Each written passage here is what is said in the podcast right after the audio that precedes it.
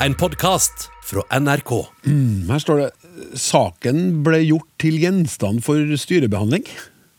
Ja, og potetene ble gjort til gjenstand for koking, og håret ble gjort til gjenstand for klipping. Ja, Klarspråk. Tja.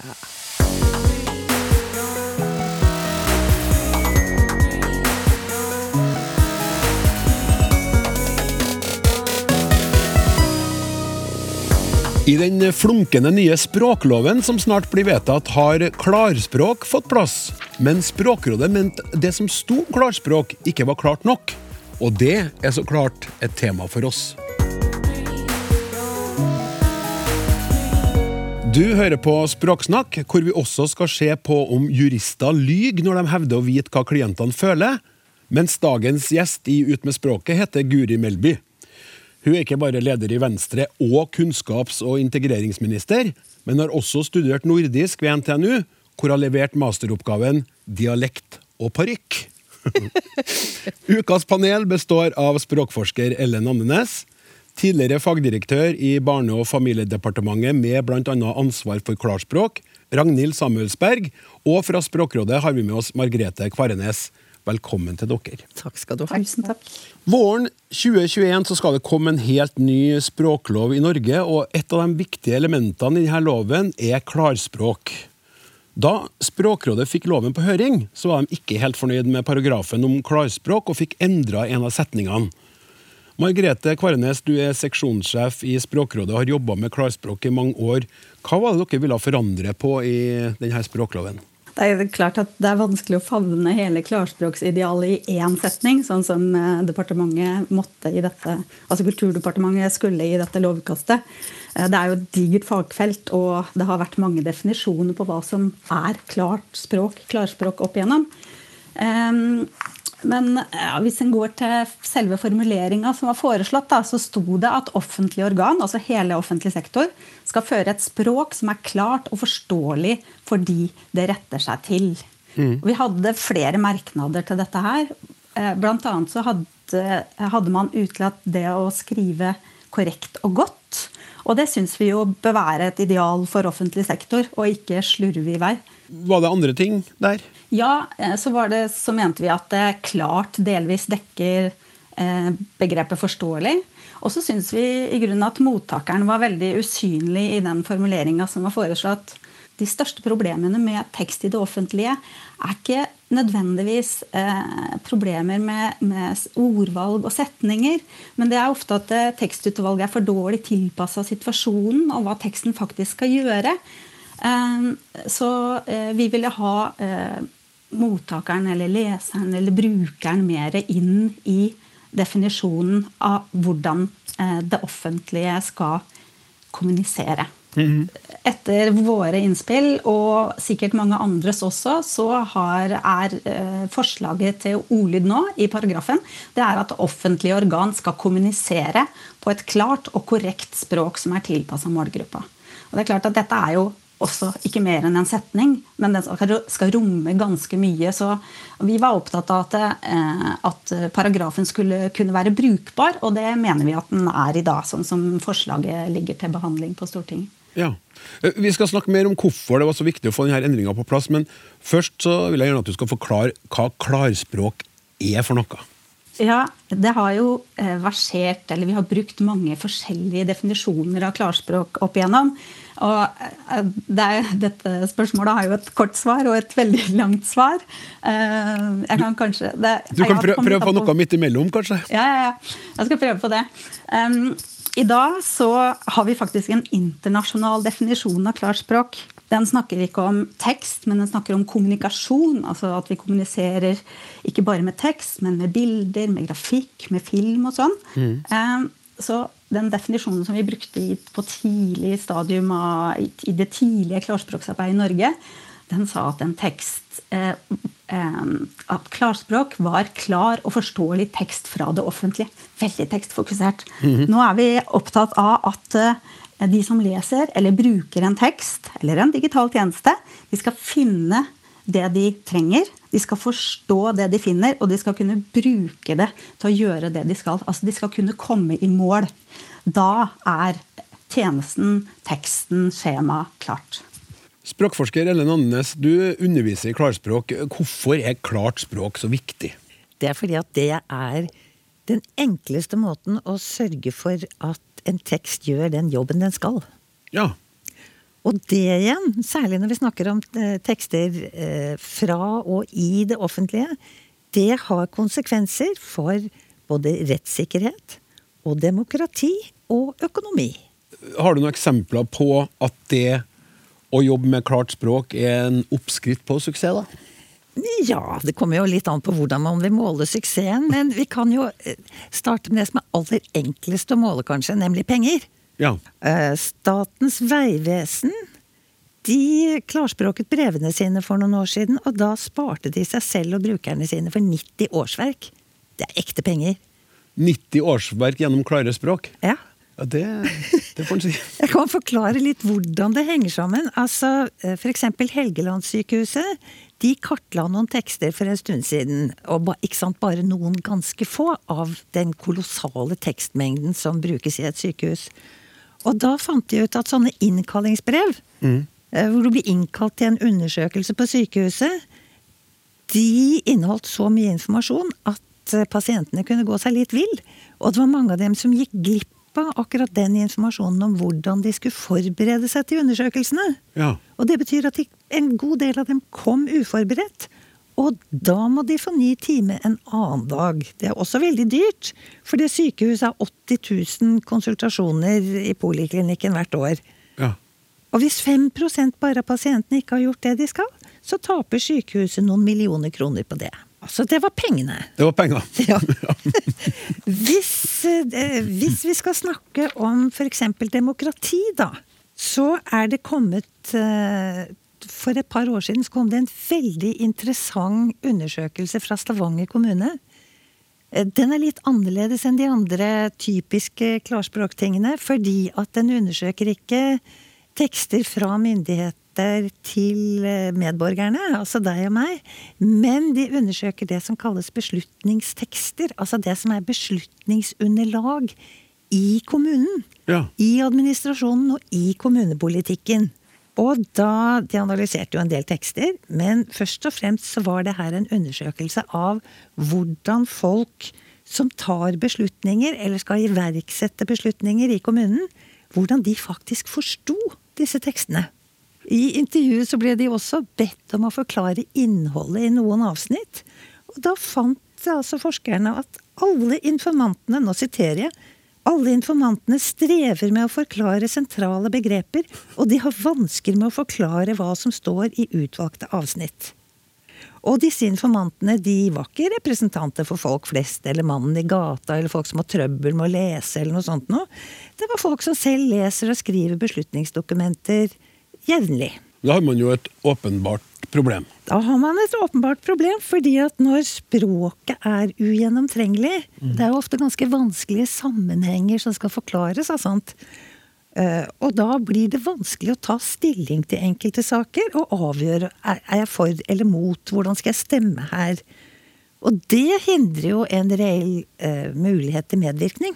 Ja. Jeg jeg tror at um, noe av hovedproblemet i den typen tekster som Stavanger kommune analyserte, var at det, eh, det er strategidokumenter litt sånn, som er prega av litt sånn konsulentspråk, litt ullent språk. Ikke den typen eh, eh, gammeldagse formuleringer som dere nevnte i, i innledninga, eh, med at eplet blir, gjenstand for plukking. Men det er sånn ullent, uangripelig konsulentspråk. Og en av de informantene sa at eh, teksten blir som et såpestykke som glir ut av hendene på deg.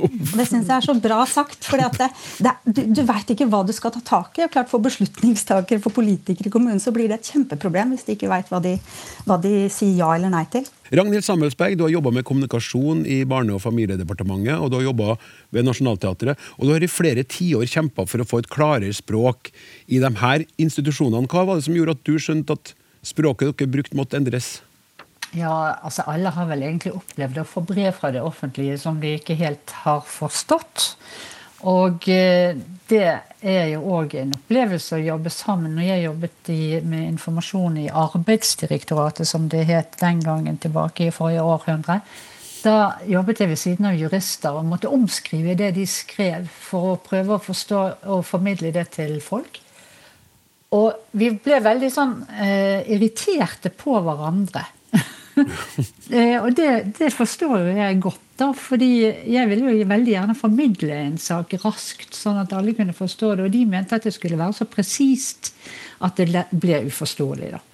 Og da skjønte jeg at lovspråket, det er, det faktisk eh, starten på det hele. Det må gjøres noe med. Mm. Og den gang jeg kom i, i eh, Barne- og familiedepartementet, så opplevde jeg for så vidt det samme. At vi må oversette mye av det juristene skriver. Vi har fantastisk flinke jurister, men det er jo også gjort undersøkelser blant juristene selv som sier at vi trenger mer kunnskap om eh, språk. Ja. Og det var jo en stor opplevelse for meg den gangen vi startet med klart lovspråk i vårt departement. Som vi også fikk eh, undersøkelser på. Eh, opinionen spurte både folk som brukerne, men f.eks. av adopsjonsloven, men også de som skulle forvalte denne, altså ute i direktoratene. Mm. Noenlunde det samme som Stavanger kommune. Men eh, i direktoratet så var det flere som sa at eh, de ikke helt skjønte hva, den, eh, hva, hva som sto der. Ja. Og de fikk jo òg tilbakemeldinger i disse undersøkelsene fra folk som sa at loven snakker til normale mennesker, og den nye loven som vi skrev. da. Ja. Og så sa de at det er viktig at en lov er rettet mot den som loven angår. Juristene er jo veldig opptatt av språk, og de vil gjerne skrive klart. De. Så vi opplevde jo at det var en vinn-vinn-situasjon. Vi hadde, øh, og vi eh, klarte jo til og med å se at det var mange steder i lovteksten som førte til misforståelser. Ja. Altså, Det er ikke så lett å tolke, men språket var også brukt feil. Det ble veldig eh, tilfeldig. Hvor, hvordan skal vi tolke denne lovteksten, da? Det kan jo også føre til at folk ikke klager på eh, vedtak som de får. Eh, fordi at de ikke eh, skjønner hvordan de skal gå fram for å klage. Vi hadde holdt kurs for fylkesmennene i en serie da fylkesmannen ennå het fylkesmannen. Nå er det statsforvalteren. Og da, på, og da pirka vi litt på en sånn eh, forklaring på hvordan folk skulle gå fram for å klage på et vedtak i en sak. Eh, den var helt ugjennomtrengelig. Det var komplett umulig å skjønne man skulle, hva, hva, man skulle sende hvor til hvilken instans. Mm. Og Da var det en kursdeltaker som litt sånn flåsete sa at ja, hvis vi formulerer oss sånn, så får vi ikke så mange klager. Okay. det, var jo veldig ja, det, det, ja, for det, det, der tenkte jeg på, det med å, å faktisk formulere seg uh, uklart for å maskere eller uh, ja. ja. det er klart. Det skjer. Ja. Men som oftest så er det nok ikke noen ond vilje bak. Det Nei. tror jeg ikke. Nei, det er jeg helt enig Det er rett og slett sånn at det tar lengre tid å skrive kort og konsist. Og jeg som borger av dette landet, jeg er jo helt avhengig av at jeg forstår hva som er mine rettigheter og mine plikter. Hvis jeg ikke forstår det, så blir det veldig vanskelig. Jeg husker Ragnhild hadde en gang et slagord som het 'det skal være lett å gjøre rett'. Mm. Ja, Ragnhild, Da dere ja. satte i gang med å jobbe klarspråk, så begynte mm. dere med å analysere leseren eller målgruppa for tekstene. sant? Og da, Hva var grunnen til det? Nå tenker jeg at det er jo det er fordi at uh, hvis du ser leseren foran deg, mm. så skriver du mer personlig. Du skriver mer rett frem. Vi er jo, altså vi er jo eh, et resultat av de, den kulturen vi kommer inn i. og jeg husker, altså Det skal ikke så veldig mye til før du begynner å eh, Når du har lest mange litt tunge, vanskelige, vanskelige språk, så begynner du snart å skrive sånn selv. altså Du etteraper kulturen. Eh, og du kommer lenger og lenger vekk fra leseren hvis du skriver et veldig tungt byråkratisk språk. Og det, det er da vi, når vi startet disse språkverkstedene våre, at vi spurte hva er målet med teksten, og hvem er det som skal lese denne teksten? Og hva kan leseren om dette området fra tidligere? Så begynte vi å analysere. Kan vi lage en modelleser?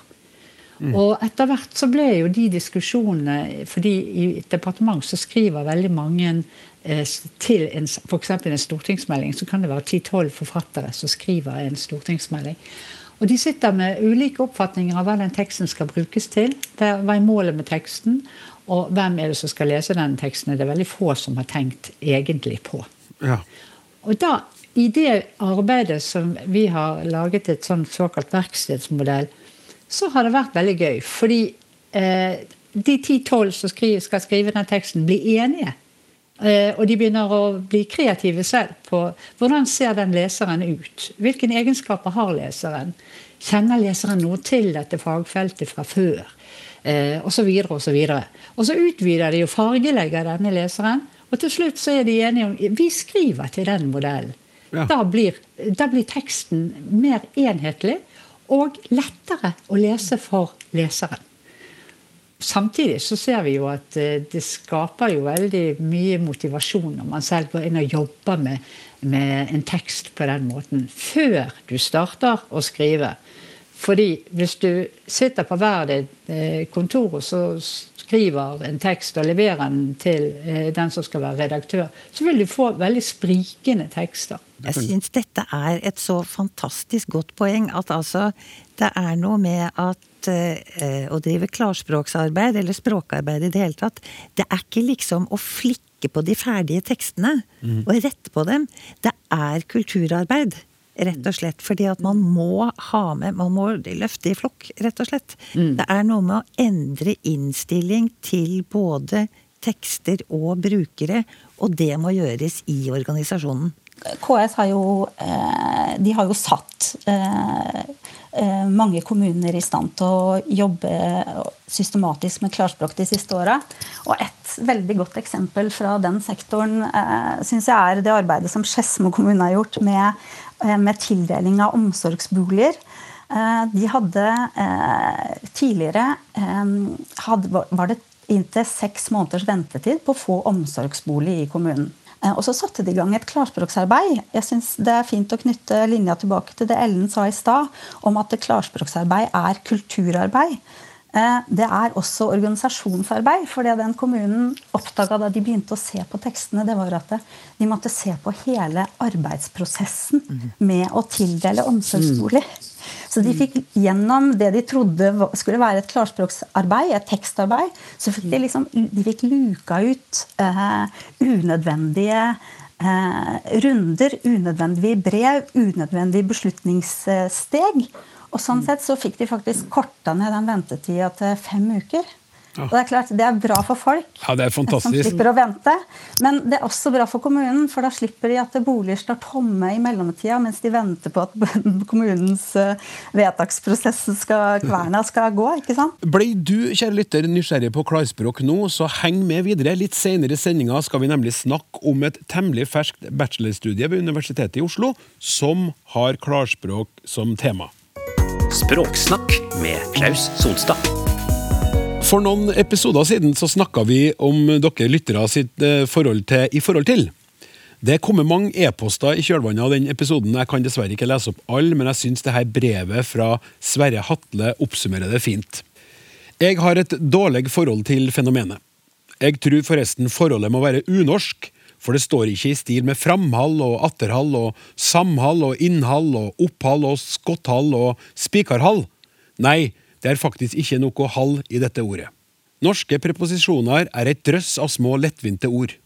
Vi tenker på og snakker om og skryter av og ser fram til og ottast for og flirer åt og undrast over og lever under og strever med og finner oss i, men lengter etter og set oss føre og stiller oss mellom og holder oss unna eller kjemper imot og kommer oss igjennom og rår ifra. Så begynner plutselig alt folk å skifte ut disse småorda med en treledda konstruksjon som ikke, ikke sier noen verdens ting. Her er et grelt eksempel fra spørretimen om pensjonsregler i P2. Hva er det man sammenligner i forhold til? Hun som sa det, snakka i rasende fart, så den som ikke kunne så mye om pensjon fra før, visste enda mindre etterpå. Det er selvsagt ikke rart om somme må sette opp farten når en hver gang må bruke en trestavingspreposisjon med elleve bokstaver i stedet for en på to-tre bokstaver enn om disse heseblesende pratmakerne kunne ta en liten pause iblant, i stedet for å fylle på med meningsløse 'for å si det sånn', eller 'hva skal jeg si', eller 'på en måte', eller liksom. Liksom hva? Så hadde vi kanskje forstått hva de sa. Klart språk fra Sverre det her. Nå er det straks klart for Ut med språket. Det eneste faste spørsmålet vi har i den samtalen, er hva er ditt favorittord? Og på den korte tida vi har holdt det gående, så syns jeg gjestene våre har bidratt med noen utrolig fine ord til samlinga vår. Hør på det her. Pels. Ja. Jeg er helt avhengig av å ta på pels med jevne mellomrom. Helt avhengig. Håvard Stensvold, hva er ditt favorittord? døgn. Og, det er vel, eh, tror jeg, ikke andre enn de skandinaviske språkene som har det ordet. Lydia Gisselmann, Steike. Men det må være med SH. steike. Ja, steike. Michael Stilson, Leik. Det har vært det viktigste i livet mitt, Leiken eh, som barn. Det er det tristeste som fins, er når leken forsvinner. Hans Magnus Ystgaard, ut med språket. Hva er ditt favorittord? Jaftes. Jaftes. Jaftes. Det betyr jo i går kveld. Jan Post. I denne sammenhengen vil jeg kanskje si eventyrlig. Det er litt det at idrett handler om, om drømmer. Og når det er noe eventyrlig som har skjedd, så er det kanskje noe noen så vidt har turt å drømme om. Men hvis det skjer noe som man ikke hadde sett for seg, så alle blir overraska, og det er en eller annen utøver som får opplevd sin største drøm, det ordet beskriver litt av det. Så det er sånne øyeblikk jeg, jeg lever for. Karoline Riise Kristiansen, språksjef i NRK. Hva er ditt favorittord? Heime. Og så kan vi plusse på en liten koronaslutt, noe som preger året. Så kan vi si heimlengt. Linn Jeanette Kyd, hva er ditt favorittord? Jeg har en sønn som blir eh, ett år om bare noen få dager. Og han er jo i ferd med å lære seg å snakke akkurat nå, og finne språket. Og han driver og babler og styrer i vei. Det er jo mest sånn lalleord akkurat nå. Sånn da-da, ko-ko, diddi og sånne ting. Eh, men av og til da, så dukker det opp uh, et ekte ord. Um, bevisst eller ikke. Sånn som på stellebord i stad. Um, så sa han plutselig 'mamma'. Pels. Bare jeg hører ordet pels, så blir jeg helt mjuk. Ja, Det skal bli spennende å høre hvilket ord ukas gjest stiller med. Hun er Norges kunnskaps- og integreringsminister og har hatt mer enn nok å henge fingrene i siden hun tiltrådte i fjor. Språkinteressen hennes går langt tilbake og har ført til dikt publisert på Gyllendal, masteroppgave om Team Antonsen og styrelederjobb i Språkrådet. Språksnakk. Guri Melby, velkommen. Takk skal du ha. Du, du starta arbeidet som kunnskaps- og integreringsminister akkurat idet Norge stengte i mars i fjor. Eh, hvordan prega det deg i starten som fersk minister? Det er klart at eh, det var veldig spesielt å starte på den måten, egentlig på mange vis. eh, Fordi at eh, i tillegg til å være kunnskapsminister, så er jeg jo også mamma. Så når jeg skulle plutselig hoppe inn i en veldig travel jobb, så opplevde jeg jo at barnehagen stengte, eksempel. Ja. Det var jo litt upraktisk, må jeg ikke si. Og det var umulig å spørre en barnevakt eller noe sånt, for det var jo ikke lov å være på besøk til hverandre. Så det var liksom den litt sånn hjemlige sida av det. Og så er det klart at um, det å komme inn og ta over midt i en krise, eh, der det er kjempeviktig at man greier å styre godt, det er klart at det er ekstra krevende. Det er ikke noe lett oppgave å ta på seg. Heldigvis så jeg følte at jeg både kom inn i et departement som er veldig solid, med mange dyktige fagfolk. Altså, vi har ikke heia så mye på embetsverket i Norge under denne krisen, men de har virkelig gjort en fantastisk jobb. Og så kom jeg jo også inn i regjering med veldig mange andre erfarne statsråder. Så det Mm. hjelper jo litt å stå der som sånn fersking på pressekonferanse når du har Bent Høie og Monica Mæland attmed deg, altså. Men, ja, det skjønner jeg, men, men hvis, altså når man starter, altså når man skal begynne som minister jeg tenker hvis jeg skulle, Det er veldig fjernt, men jeg tenker meg sjøl i en sånn rolle.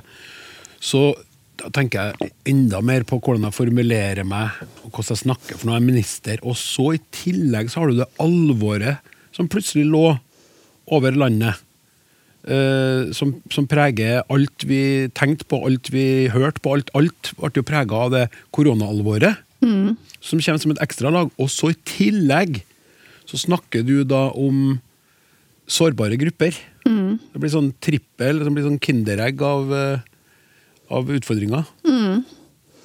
Ja, det er klart at øh, Og særlig i starten så brukte vi jo veldig mye tid på både det her med språk og kommunikasjon. Hver gang det skulle være en pressekonferanse eller vi skulle eh, legge ut noe informasjon, så brukte vi faktisk veldig lang tid på å finne de rette formuleringene. Jeg, synes, altså jeg brukte også en del tid i starten på eh, å snakke en del med både lærere og andre som var litt sånn direkte berørt. da. Eh, var med på mye sånne Facebook-grupper forskjellig. Og det følte jeg jo egentlig hjalp meg litt, å finne kanskje litt den stemninga som var der og da. Og så var jo Det er jo litt sånn Det her var jo en, eller er, en krise som rammer oss absolutt alle, da. Mm. Så det er jo ikke sånn at du Noen ganger så er det jo sånn at du må snakke til noen andre som du kanskje ikke helt greier å sette deg inn i situasjonen til. Men det her er jo noe vi alle er en del av. Så sånn sett så tror jeg vel det også tenke litt på at eh, det som funker overfor meg og de folkene jeg kjenner, det er kanskje det som også funker overfor de andre som hører på, da. Ja. En annen ting som vi gjorde veldig tidlig, som er kanskje noe av det jeg faktisk er mest stolt over, fordi at det var mitt forslag, det var å ha sånne pressekonferanser for barn. Ja. Jeg syns det var viktig både for å gi dem informasjon og vise at vi tar dem på alvor. da.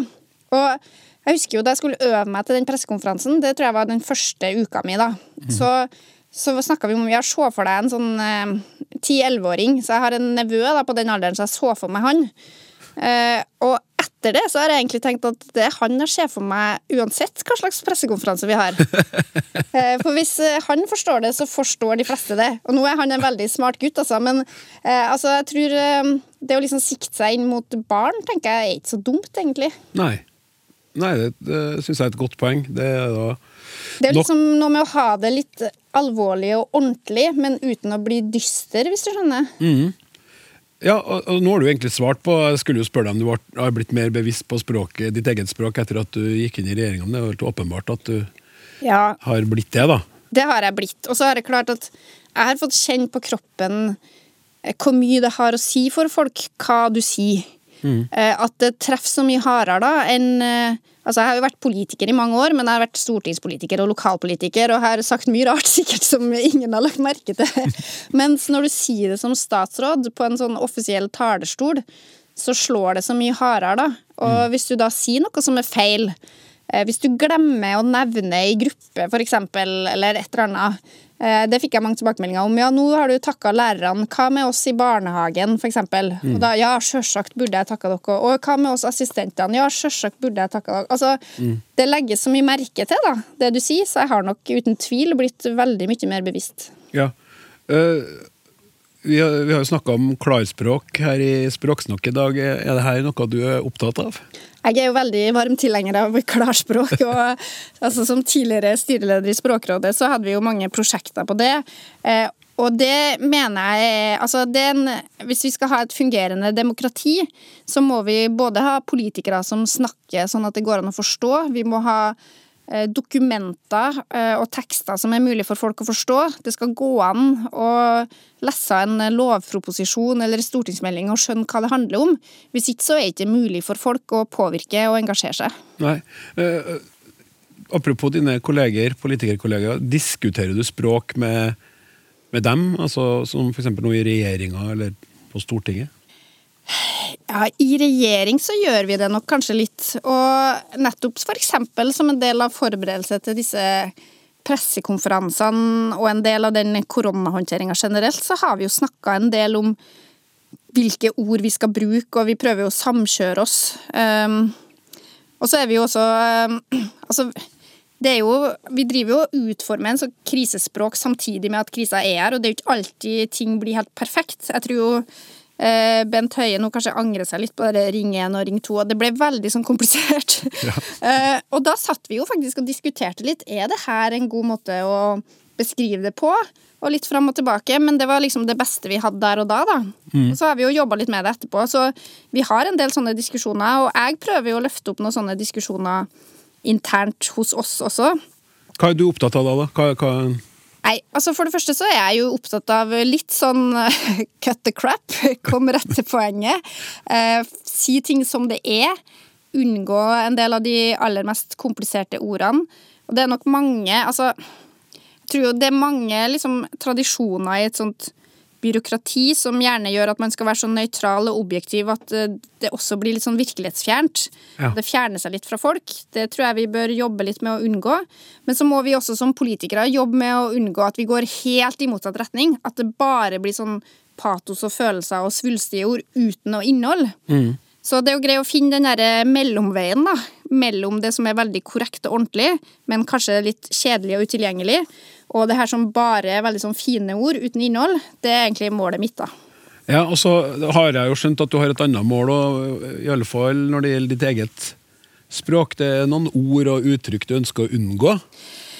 Ja, altså jeg, jeg syns jo at det er en del politikere som har litt lett for å ty til en del sånne fyllord og litt sånne uttrykk som egentlig ikke gir så mye informasjon. Alt fra de klassiske, altså i forhold til og alt det her, eh, til at man eh, Egentlig alle disse strategiene som veldig mye handler om å unngå å svare på spørsmål. Det må jeg si at jeg Altså, jeg, jeg jobber veldig hardt for å la være å gjøre det. Mm. Så jeg er ikke sikkert jeg lykkes hver gang, altså, men jeg bestreber meg virkelig hardt faktisk på å svare ordentlig på ting jeg blir spurt om. Og så kanskje jeg noen ganger skynder meg til å legge til noe ekstra som de ikke spurte om, men jeg syns faktisk at folk skal få svar på spørsmålene de har. Ja, eh, og litt av grunnen eh, Eller eh, jeg skjønner jo at du er opptatt av språk, og mm, du har jo en mastergrad i nordisk fra NTNU i Trondheim. Det stemmer. Og temaet du valgte for oppgaven din, var jo en smule utradisjonell. Ja, det var det. Ja. Eh, altså, jeg valgte da jeg, har jo alltid vært fascinert over språk, og kanskje særlig det her med måten vi mennesker bruker språk på. Jeg er litt sånn opptatt av hva det forteller om oss. Så jeg er ikke så opptatt av liksom grammatikk og det å skrive rett og sånn, men hvorfor velger vi Altså, hvorfor sitter vi nå to her og snakker trønderdialekt på nasjonal radio? Hva Mm. er det som gjør at vi velger det? For det er jo et valg vi tar. Ja, Noen ville jo si 'ja, hvorfor gjør de det?' Ja, jeg syns jo det er fantastisk at vi bor i et land der det er greit. Ja, enig. Eh, For det betyr at vi har like mye muligheter som alle andre til å ha denne type posisjoner. Mm. Nei, så Jeg er opptatt av hva er det som styrer våre valg, så det var litt utgangspunktet mitt. Og så var jeg i tillegg eh, blodfan av Team Antonsen, så da fant jeg ut at jeg skulle se på språkholdninga reflektert i Team Antonsen. Altså i Team Antonsen-programmet med Harald Eia, Bård Tufte og Ja, det er helt riktig. Ja. Og det er sikkert eh, mange som hører på, som husker det. Altså, det var jo disse sketsjene med Kari Bremnes og Ekstra Joker Nord, og det var en trønder som snakka så bredt at ordene forsvant. Og det var en eh, nynorsk mann som var veldig sint. Ja, Skal vi, skal vi unne oss et eh, lite lydklipp kanskje fra programmet? ja veldig gjerne. Da begynner vi. Jeg leser ordet og hva det betyr, og du forklarer. Hva det betyr? ja da. Arveroping og rope høyt til en gammel mann man skal arve fra, for kanskje å fare litt tidligere. Du bestefar, kom litt nærere, så skal jeg fortelle deg litt om internett. Eh! var skremte meg òg, du nå. Ja, der var det dialekt i hvert fall. Der var det dialekt, ja. Ja, Eller en slags dialekt. ja. Nei, og jeg kalte jo oppgaven min for dialekt og parykk. Dialekt og parykk. Ja, og det var litt fordi jeg mener jo da at eh, de to viktigste virkemidlene eh, Harald Eia, Bård Tufte Johansen og resten av gjengen hadde for å skape karakterer. Eh, For det er jo noen, altså Vi har jo en rekke komiprogram som har karakterer som liksom bygger seg veldig opp over tid. Mm. Sånn Litt sånn Espen Eckbo og sånn jobber kanskje på den måten. Mens her var det jo veldig mange karakterer du bare møtte i ett program, og kanskje bare i ett minutt eller to.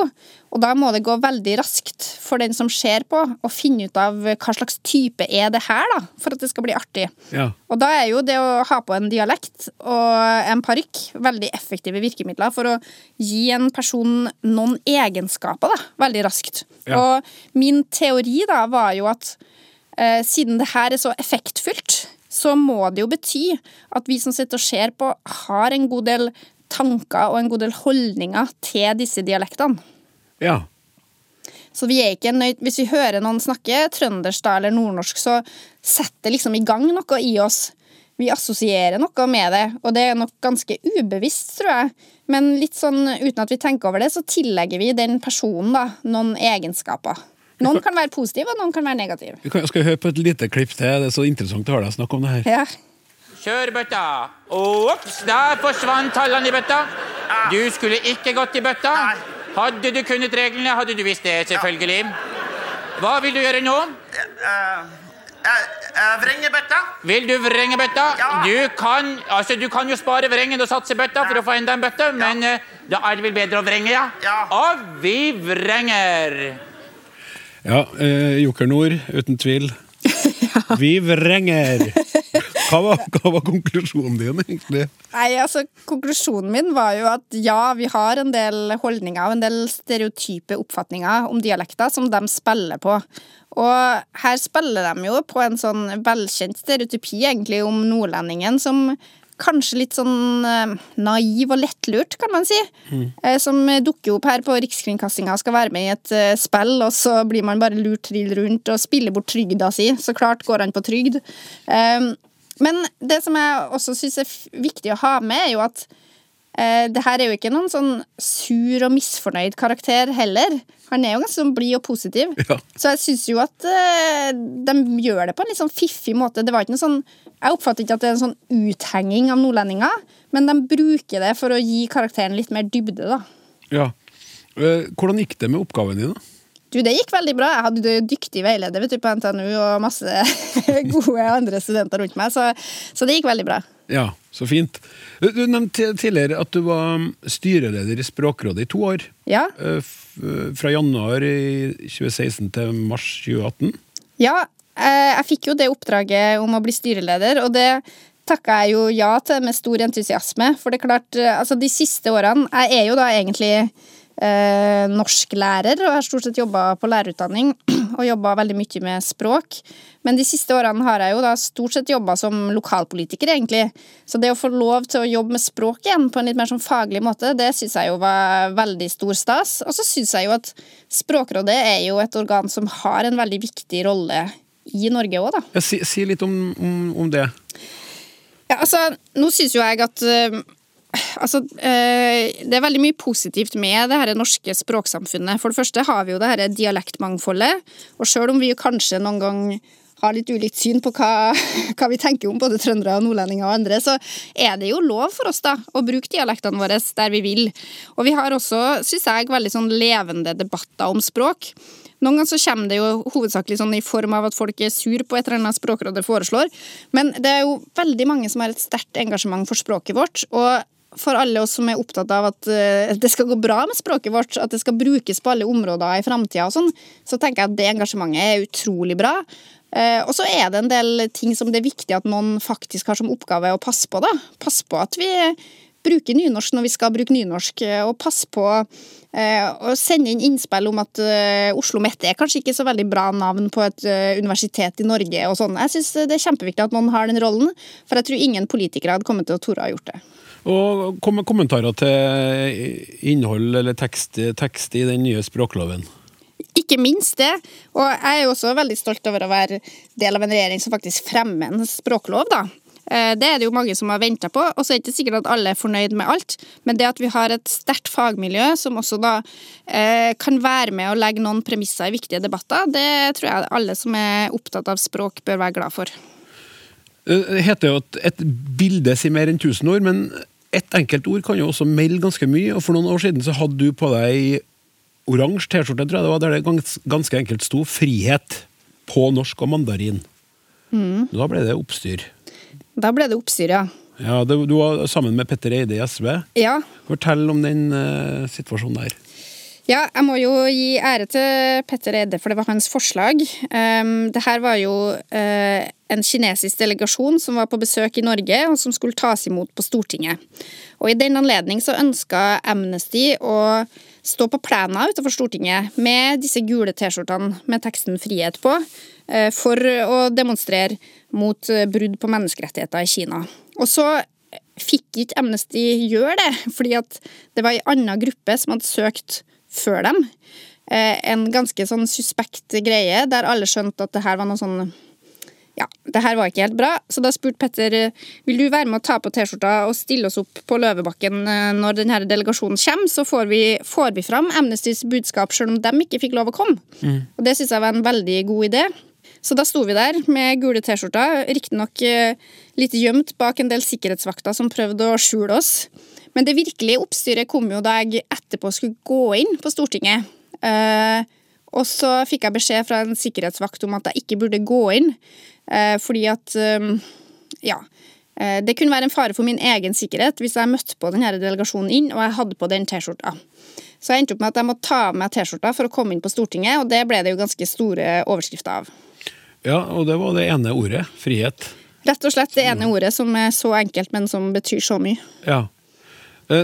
Sånn der du er nå da, som statsråd, kunne du ha gjort et sånt stunt igjen? Altså, her er det jo viktig eh, å tenke gjennom hva slags rolle man har. Eh, når jeg er statsråd, så er jeg jo en representant for det offisielle Norge. Eh, og alt som jeg uttaler, må jo på en måte være i tråd med det som det offisielle Norge melder. Mm. Eh, og sånn sett så er det ganske mye strengere rammer på hva jeg bør si i det offentlige rom, på mange områder. Eh, og jeg bør jo f.eks. ikke si noe som går på tvers av det utenriksministeren sier om Nei. en sak. Eh, For da kan det jo bli veldig usikkerhet om hva er egentlig Norges mening. Så det er litt sånn at regjeringa fører jo vår politikk, og vi har statsråder på ulike områder som synliggjør den politikken. Og eh, det er litt viktig at vi holder litt på den ansvarsfordelinga også, da. Ja. Eh, Men som stortingsrepresentant så mener jeg jo at du står veldig fritt i å bare synse og mene akkurat det du vil. Eh, Så jeg tenker jo at jeg benytta meg av den friheten som den rollen ga, da. Til å være eh, litt tydeligere enn jeg kanskje er nå. Og nå har jeg andre måter å påvirke eh, norsk politikk eh, overfor Kina på enn gjennom å stå med T-skjorte på Løvebakken. Ja, og så er jo samtidig så er det jo ungene og ja, integreringa. Skulle jeg spørre deg om eh, hvorfor er du både kunnskaps- og integreringsminister? Jeg er jo glad for at jeg har eh, begge rollene. Altså, det her eh, arbeidet med integrering har jo vært flytta litt fra departement til departement. Mm. Både vært i justis og kommunal. Men jeg eh, pleier å si at nå har det kommet hjem til Kunnskapsdepartementet. Fordi at nøkkelen til integrering, det er jo kunnskap. Og enda mer spesifikt så er jo nøkkelen til integrering språk. Ja. så for å lykkes med integreringa, så må Eh, altså Innvandrere, flyktninger og asylsøkere må lære seg norsk. Det er liksom eh, jobb nummer én.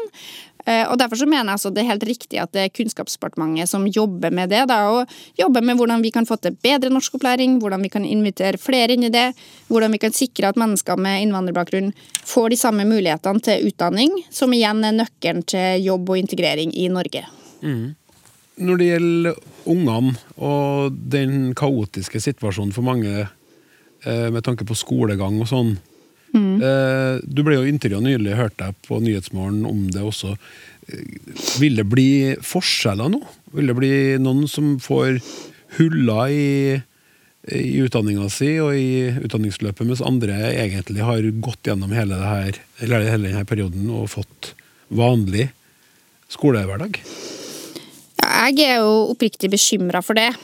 Altså, Vi vet jo at allerede fra før så er det jo en ganske tøff oppgave for skolen å greie å utjevne sosiale forskjeller. Så det er jo allerede sånn at de som får mye hjelp hjemmefra, de som kommer inn og har veldig gode ressurser i utgangspunktet, de lykkes bedre på skolen enn andre.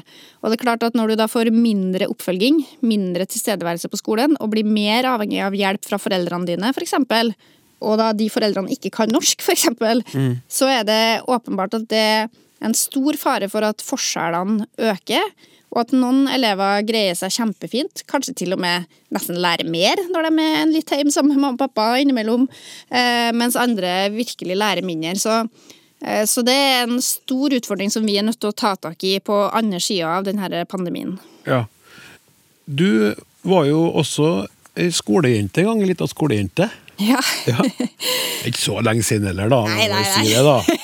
Men da du var det, var det gitt at det skulle bli studier i nordisk eh, da du ble større, eller drømte du om andre karrierer? Eh, Det var ikke gitt at det skulle bli studier i nordisk, men eh, jeg drømte jo faktisk om det som jeg utdanna meg til, nemlig å bli lærer. Ja. og det er kanskje litt fantasiløst når du går på skolen og tenker at yes, jeg har lyst til å bli lærer, men jeg syns da at, og det syns jeg for så vidt fortsatt, at det virka som en kjempespennende jobb. Veldig variert og veldig sammensatt. Eh, og jeg syns jo sjøl at det er veldig artig å lære nye ting. Så det å skulle være den som bidrar da, til at andre lærer, det er jo en kjempeoppgave. Så, men det at um, Det er klart, jeg ble jo litt mer usikker etter hvert som årene gikk, på, på hva som var riktig karrierevei, så derfor så starta jeg jo på litt sånn åpne studier på universitetet, da. Det her Mm. er jo tilbake i den tida der man kunne slenge litt rundt på Dragvoll og plukke fag her og der. Det var gode tider, jeg husker det så godt. Ja, ja, ja, Det var ingen som sjekka hva slags plan du hadde for studiene. eller noe. Så jeg husker faktisk De første ukene så gikk jeg innom forelesninger på mange forskjellige fag. Alt fra statsvitenskap og sosiologi til nordisk og engelsk og forskjellig. Så jeg var veldig åpen for mye forskjellig. Så faktisk så tror jeg at en av hovedgrunnene til at jeg endte opp med master i nordisk, var at det var et veldig godt miljø der. Eh, faglærerne, eller professorene, da, var veldig engasjert i oss studentene. Det var et veldig godt miljø på lesesalen, og mange dyktige medstudenter som fortsatt er blant mine beste venner i dag. Så jeg tror faktisk at det var litt sånn tilfeldig eh, at jeg endte opp akkurat der. Jeg kunne liksom godt ha sittet der med, med mastergrad i et annet fag, altså. Men du skrev, eh, og du skrev i hvert fall Jeg har spora opp et dikt. Jeg har fått litt hjelp da, via noen som kjenner deg. Ja. Uh, og det er fra Altså, det, det brukes fortsatt i undervisningssammenheng. Uh, det er fra en bok, det her. Ja. Står på side 113 i boka. I Gyllendals digitale undervisningsopplegg så er det et dikt som heter Feig. Ja, det er riktig. Det er skrevet av deg. Ja, jeg kjenner at jeg rødmer litt. Gjør du det? Ja. Det, det, altså, jeg skal lese bare første oh, ja. vers her. Nå er det på'n igjen. De kan aldri la han være i fred. Jeg står her og ser på, gjør ingenting, tør ikke. Jeg vet at det jeg gjør, er like galt som det mobberne gjør, men jeg er feig. Det skrev du Det skrev jeg. i 95.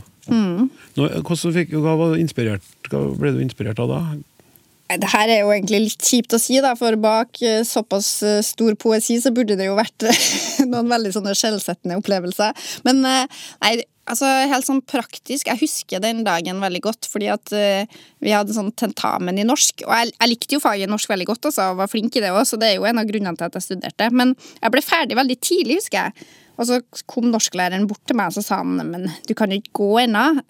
Og så kom han med en sånn skrivekonkurranse som Gyllendal gjennomførte, som handla om mobbing.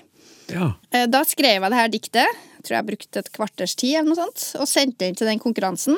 Og da ble det med i en sånn antologi.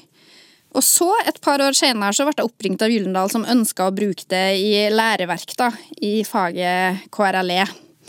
Eh, og det har overlevd flere læreplanreformer, så det har blitt brukt igjen og igjen.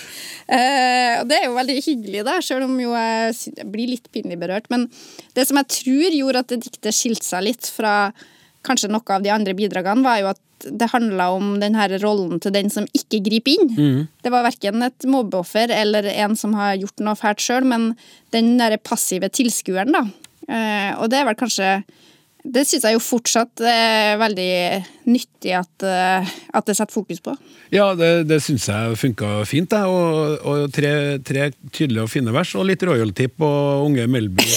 ja, jeg Kom det også også ut av det? Ja, jeg syns jo det var så stas at de ville bruke diktet. Og så etterpå så kom det sånn mail ja, ja, du skal selvsagt få kompensert. Det var liksom det. Og jeg har jo blitt kompensert hver gang det har blitt trykt opp nye utgaver av diktet, så det er ganske mange tusenlapper jeg har fått for det, altså, etter hvert. Ja, Strålende. Mm. Eh, da er det sånn, kjære statsråd, at jeg må takke deg for at du har eh, tatt deg tid til å være med i Språksnakk. Jeg har kun ett eh, spørsmål igjen, Guri Melby. Ut med språket. Hva er ditt favorittord? Ja, du kan jeg få lov å ta en tilsnikelse, for det er egentlig tre ord, men jeg bruker det nesten som ett ord. Snik i vei. Ja. Sykla meg tå. Sykla meg tå. Ja, Jeg syns det er så fantastisk fint uttrykk. For jeg tror ikke at det er så mange andre dialekter som har et sånt uttrykk som på tre ord forteller at du rett og slett har falt av sykkelen. Altså, eh, du må alltid gå noen omveier, at du tryner eller noe sånt, men eh, på trøndersk så sier vi bare at du sykla deg tå, og da vet alle sammen hva som har skjedd. Ja. Trenger ikke å si noe mer. Sykla meg tå. Ja. veldig, veldig bra. Får håpe at du klarer fortsatt å holde på, på veien i, i ministergjerningen din. Jeg skal gjøre mitt beste. Og styre rett fram mot en bedre hverdag etter koronaen. Takk for det. Takk skal du ha for at du var med. Lykke til videre. Takk skal du ha. Hør flere episoder av Språksnakk i appen NRK Radio. Klart språk er viktig. Det kunne jo også kunnskaps- og integreringsministeren skrive under på. Og høsten 2019 ble det starta opp et nytt studium ved Universitetet i Oslo. En treårig bachelorutdannelse i nettopp klart språk. Men å ha kompetanse i klart språk det innebærer mye mer enn språkkompetanse, ifølge fagansvarlig på studiet, som er deg, språkforsker Johan L. Tønneson. Hva var bakgrunnen for at dere starta opp dette studiet? I Norge så har det vært en klarspråkvind som har blåst over landet de siste årene. Folk har blitt seg bevisst at klarspråk det er for det første mye mer enn språk. Eh, Her i Språksnakk er det naturligvis at vi mye, naturlig at vi mye snakker om verbalspråk, men klarspråk har også med nettsider å gjøre. Og det har ikke bare med skrift å gjøre, det har med det muntlige å gjøre. Og hvis jeg skal skynde meg å si hva klarspråk er, i tillegg til definisjonene som kom så fint fra de tidligere i programmet, så vil jeg si at det er Espen Nakstad. Espen Nakstad har i koronaen vist, demonstrert både faglighet, folkelighet, vilje til å ta hva skal vi si, folkets parti, og tydelighet og besluttsomhet. Så klart språk det dreier seg om, som det er blitt sagt, demokrati, rettssikkerhet og selvsagt dette med at det skal være korrekt. Og derfor et studium i det. Hvordan slo det an hos eh, potensielle studenter? Det var overraskende populært fra første øyeblikk. Vi fikk mange flere søkere enn vi kunne ta opp. Vi tar opp eh, 20 stykker hver høst nå. Og det som var litt spennende, var at i tillegg til noen si, nybegynnerstudenter, så var det ganske mange som er ute der, ute i felten, og som har savnet akkurat denne kompetansen som det nå er blitt snakket så innsiktsfullt om her tidligere i sendinga. Men Studentene du utdanner skal bli klarspråkmedarbeidere. Men klart språk er mer enn bare språk, som jeg har forstått nå. Hva annet må de her studentene lære seg? Ja, altså Innenfor det som jeg forstår som klart språk, så er ikke minst forståelsen av makt viktig. Eh, både den makten som myndighetspersonen utøver, Bent Høie, eh, når han skal gi direktiver, og som, men makten som vi som medborgere skal ha i et demokrati. Og det å skjønne hvordan disse to maktene finnes i tekst, det er mye av det vi arbeider med eh, på studiet. Men så er det klart at studentene skal både da lære korrekt språk, så de har grammatikkurs, men de skal også ha andre kompetanser. Og ikke minst er juss viktig. Og det ble snakket mye tidligere her i dag om lovspråk. Og juridiske tekster de ligger i bunnen nesten for alt offentlig språk. Så på dette studiet så har vi nært samarbeid med Juridisk fakultet, Universitetet i Oslo. Et fantastisk emne som min kollega Jon Christian Nordrum nede på JUS, altså Juridisk fakultet, tilbyr nå, det heter lovgivningslære. Og Der har han laget noe som er helt internasjonalt berømt allerede, nemlig Lovlab, hvor simpelthen juristen skal lære å skrive lover. Og Der kommer våre klarspråkelever med som konsulenter på, for disse eh, jusstudentene. Så det er en vellykket ting som vi har satt i gang. Og så er det mange av studentene våre som tar juridiske emner i tillegg. Men de kan også ta mye annet. Slik at når de skal komme ut og gjøre seg nyttige i statlig byråkrati, direktorater, departementet som Ragnhild var i før f.eks., eller i kommunene, eller de kanskje går ut og eh, tar jobb i et konsulentfirma som hjelper fram klarspråk, da er det altså en kjernekompetanse i dette med klart språk, men så har de ofte mye annet i bagasjen også. Ja. Ja, Ragnhild eh, mm. hvordan vil du beskrive behovet for medarbeidere med en sånn spesialisert klarspråkkompetanse? I vår travle hverdag i departementene så er det helt tydelig behov for at eh, den enkelte byråkrat kan få den hjelpen som eh, den trenger. Dette er effektiv jobbing. Det betyr at eh, hvis vi klarer å skrive klart fra starten av, så vil vi få en veldig god gevinst i den andre enden. Men det krever eh, tid, og det krever selvfølgelig også ressurser. Mm. Så jeg skulle jo ønske at eh, departementene hadde en klarspråkansvarlig, eller en som kunne hjelpe til på klarspråksiden i alle departement. Og F.eks. i Sverige så har de jo innenfor det svenske justisdepartementet så har de jo jeg tror det er fem stillinger som går med til eh, å, å skrive klare lover. Som hjelper på tekster. da. Studentene våre spør jo litt hvilke jobber er det de kan få. Og nå begynner det å bli en del stillingsutlysninger hvor det står noen stikkord om klart språk.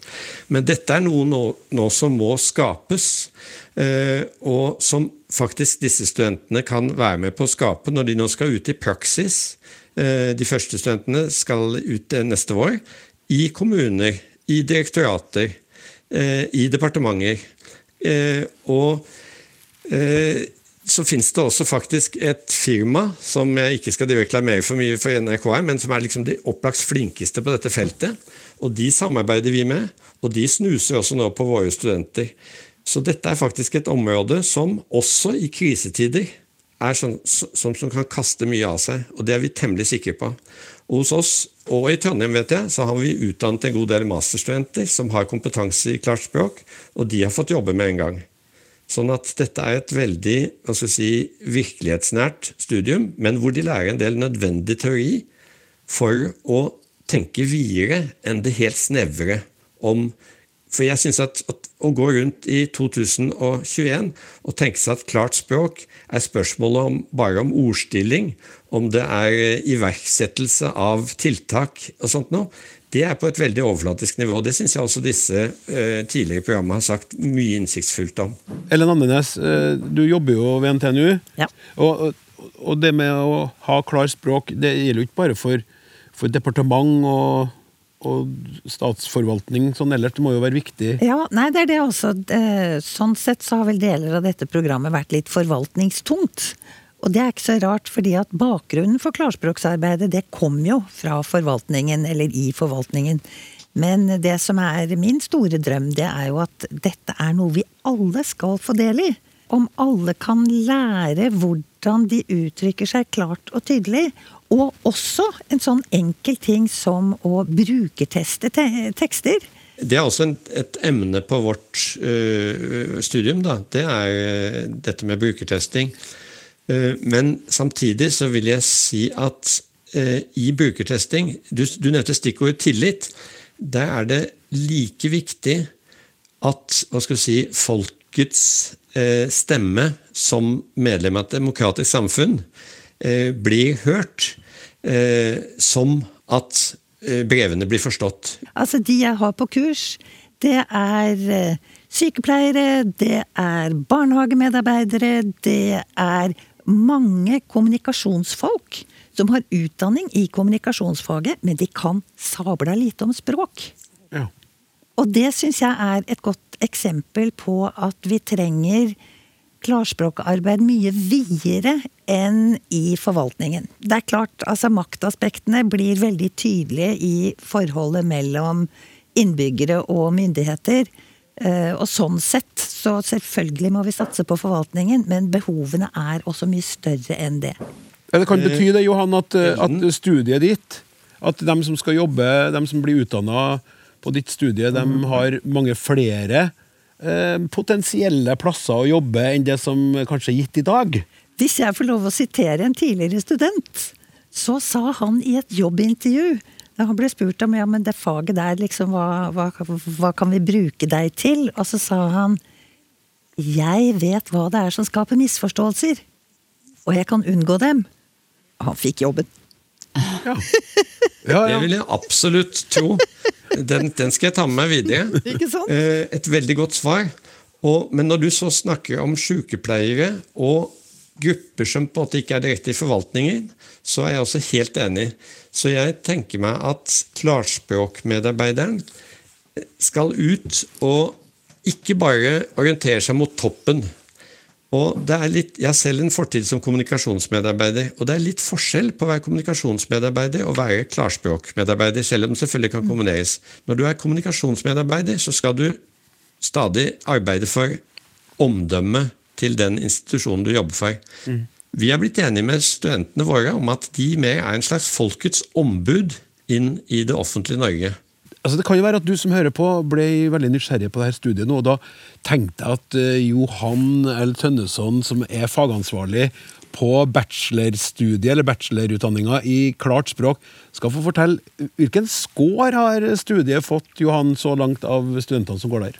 Ja, Det var jo litt fantastisk at på det som heter Studiebarometer, som måler studenttilfredshet med ulike programmer, Da var det på 16 av 1700 studieprogrammer i Norge, så var det full tilfredshet. To av dem var på Universitetet i Oslo. Det ene dreide seg om astronomi, og det andre var klart språk. Altså, Det er veldig bra. Ja, det er veldig bra. Kan det bli klarere enn det her? At det her studiet fungerer? Tusen takk skal dere ha, alle tre. Da skal vi over til noen lytterspørsmål. Språksnakk.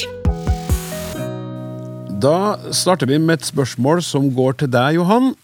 Hvorfor kan ikke juristene gå tilbake til mer sannferdig og riktig språkbruk?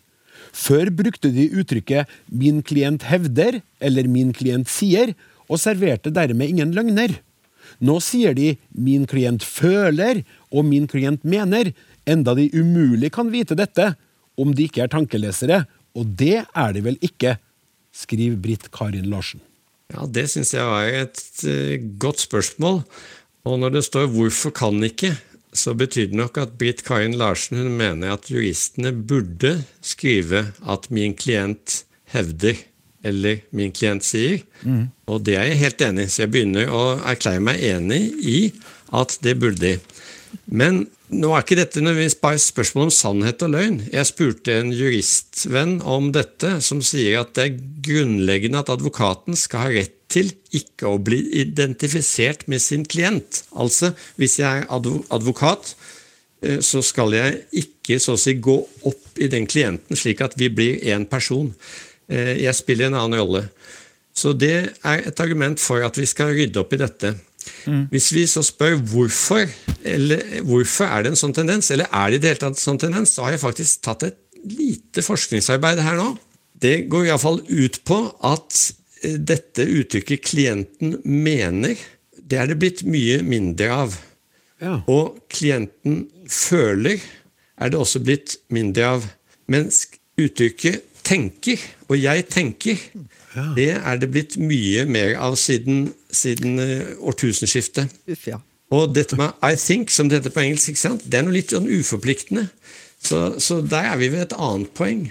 At ved å si 'jeg tenker', eller 'klienten tenker', så er vi ikke bare tankelesere, men vi er ganske sånn uforpliktende. For det er veldig forskjell på å hevde noe og bare tenke noe. Klienten sier er jo veldig nøytralt. Veldig nøytralt og veldig bra. Så eh, det som eh, Britt Karin Larsen kan konkludere med, her er at eh, hun har et veldig godt poeng. Hun har rett og slett rett. Ja, og ikke bare det, altså, Og det er veldig relevant når det gjelder dette med klarspråk, for det er et godt eksempel på at det å måtte føre dagligspråket inn i rettssalen, siden dette med 'jeg tenker' er blitt så veldig på moten, det er ikke nødvendigvis noe gevinst. Tusen takk. Da kommer det et spørsmål til deg, Ellen. Hei, hei! Plutselig kom jeg på at dere må være de rette å spørre. Mange ganger i det siste, særlig når noen snakker fra et digitalt møte, og én er bare med på bildet, men uten lyd, hører jeg 'Jeg har ikke muta mutet deg'. Sånn, der er du med. I min verden og i ordbøkene mine er mute engelsk og betyr å dempe lyd, skråstrek spille med sordin. Er dette en pussig, paradoksal anglisisme, eller er jeg helt bak mål? Håper på oppklaring. Vennlig hilsen lille Pomor Veidal i Grimstad. Lille Pomor, du er i hvert fall ikke bak mål. Nei. Det er helt sikkert. Altså, mute er engelsk. Eh, Og det kan være verb for å gjøre taus eller stille, eller som innsenderen sier, å spille med sordin. En sordin er altså en innretning som man bruker for å dempe lyden på et instrument. Eksempel hvis man tråkker ned venstrepedalen på piano, for dem som driver med det. Eller en sånn ting som man setter inni hornet, trompeten osv. Det kalles på engelsk en mute. Så det kan være substantiv. Men i de digitale møtene så brukes mute som verb. Altså den programvaren vi bruker, den eh, er engelsk, og derfor så har vi ikke norske knapper og norske betegnelser, og mute, det har vi tatt opp. Nå er det sikkert ikke alle lytterne som har vært med på digitale møter, så jeg tenkte jeg skulle forklare litt. Er- Har jeg tid til det? Ja, du har tid til en kort forklaring. Ja. Møtet foregår via PC, og på PC-skjermen så kan hver enkelt deltaker trykke på en knapp som det står 'mute' på. Og den kan man da trykke på for å mute seg selv. Når mange er med, så er det vanlig at alle muter seg, bortsett fra den som har ordet akkurat da. Men i mange møter så er det sånn at møtelederen kan mute alle eller noen av de andre. Mutelederen. Ja, nemlig. Kan også avmute dem, som jeg registrerer at vi sier. Og nå, akkurat hva møtelederen sier når han sier 'jeg har ikke muta deg', det kan vi jo ikke vite uten å høre intonasjonen eller se hva som skjer på skjermene. Kanskje sier hen 'jeg har ikke muta deg'. Det minner deltakeren på at hen må sette på lyden igjen. Eller kanskje møtelederen overstyrer deltakeren og avmuter hen. Uansett hvem, eh, hvem av dem det er som gjør det, når lyden er på, så ses det på skjermen, og da sier møtelederen 'sånn, der er du med'. Ja, supert. Er, er du fornøyd? Ja. Ja, Vi får håpe at også eh, innskriveren er det. Ja, jeg er veldig fornøyd. Jeg, altså, jeg har ikke lyst til det, men nå må jeg mute det, Ellen. Ok, så gjør det da. eh, Språksnakk er ved veis ende. I neste utgave av Språksnakk så skal vi ha lytterspørsmål spesial. Da bruker vi hele timen på spørsmål fra deg som hører på. Er det noe du undres over når det gjelder språket vårt, så send det til snakk krøllalfa.nrk.no. Adressen er altså snakk krøllalfa nrk.no. Tekniker Martin Våge, produsent Hilde Håbjørg, redaksjonsmedlem Randi Lillealteren og programleder Klaus Sonstad takker for seg. Og takk også til forskerne og dagens gjest, og ikke minst takk til deg som hører på. Du er viktig for oss. Vi snakkes. Du har hørt en podkast fra NRK. Hør flere podkaster og din favorittkanal i appen NRK Radio.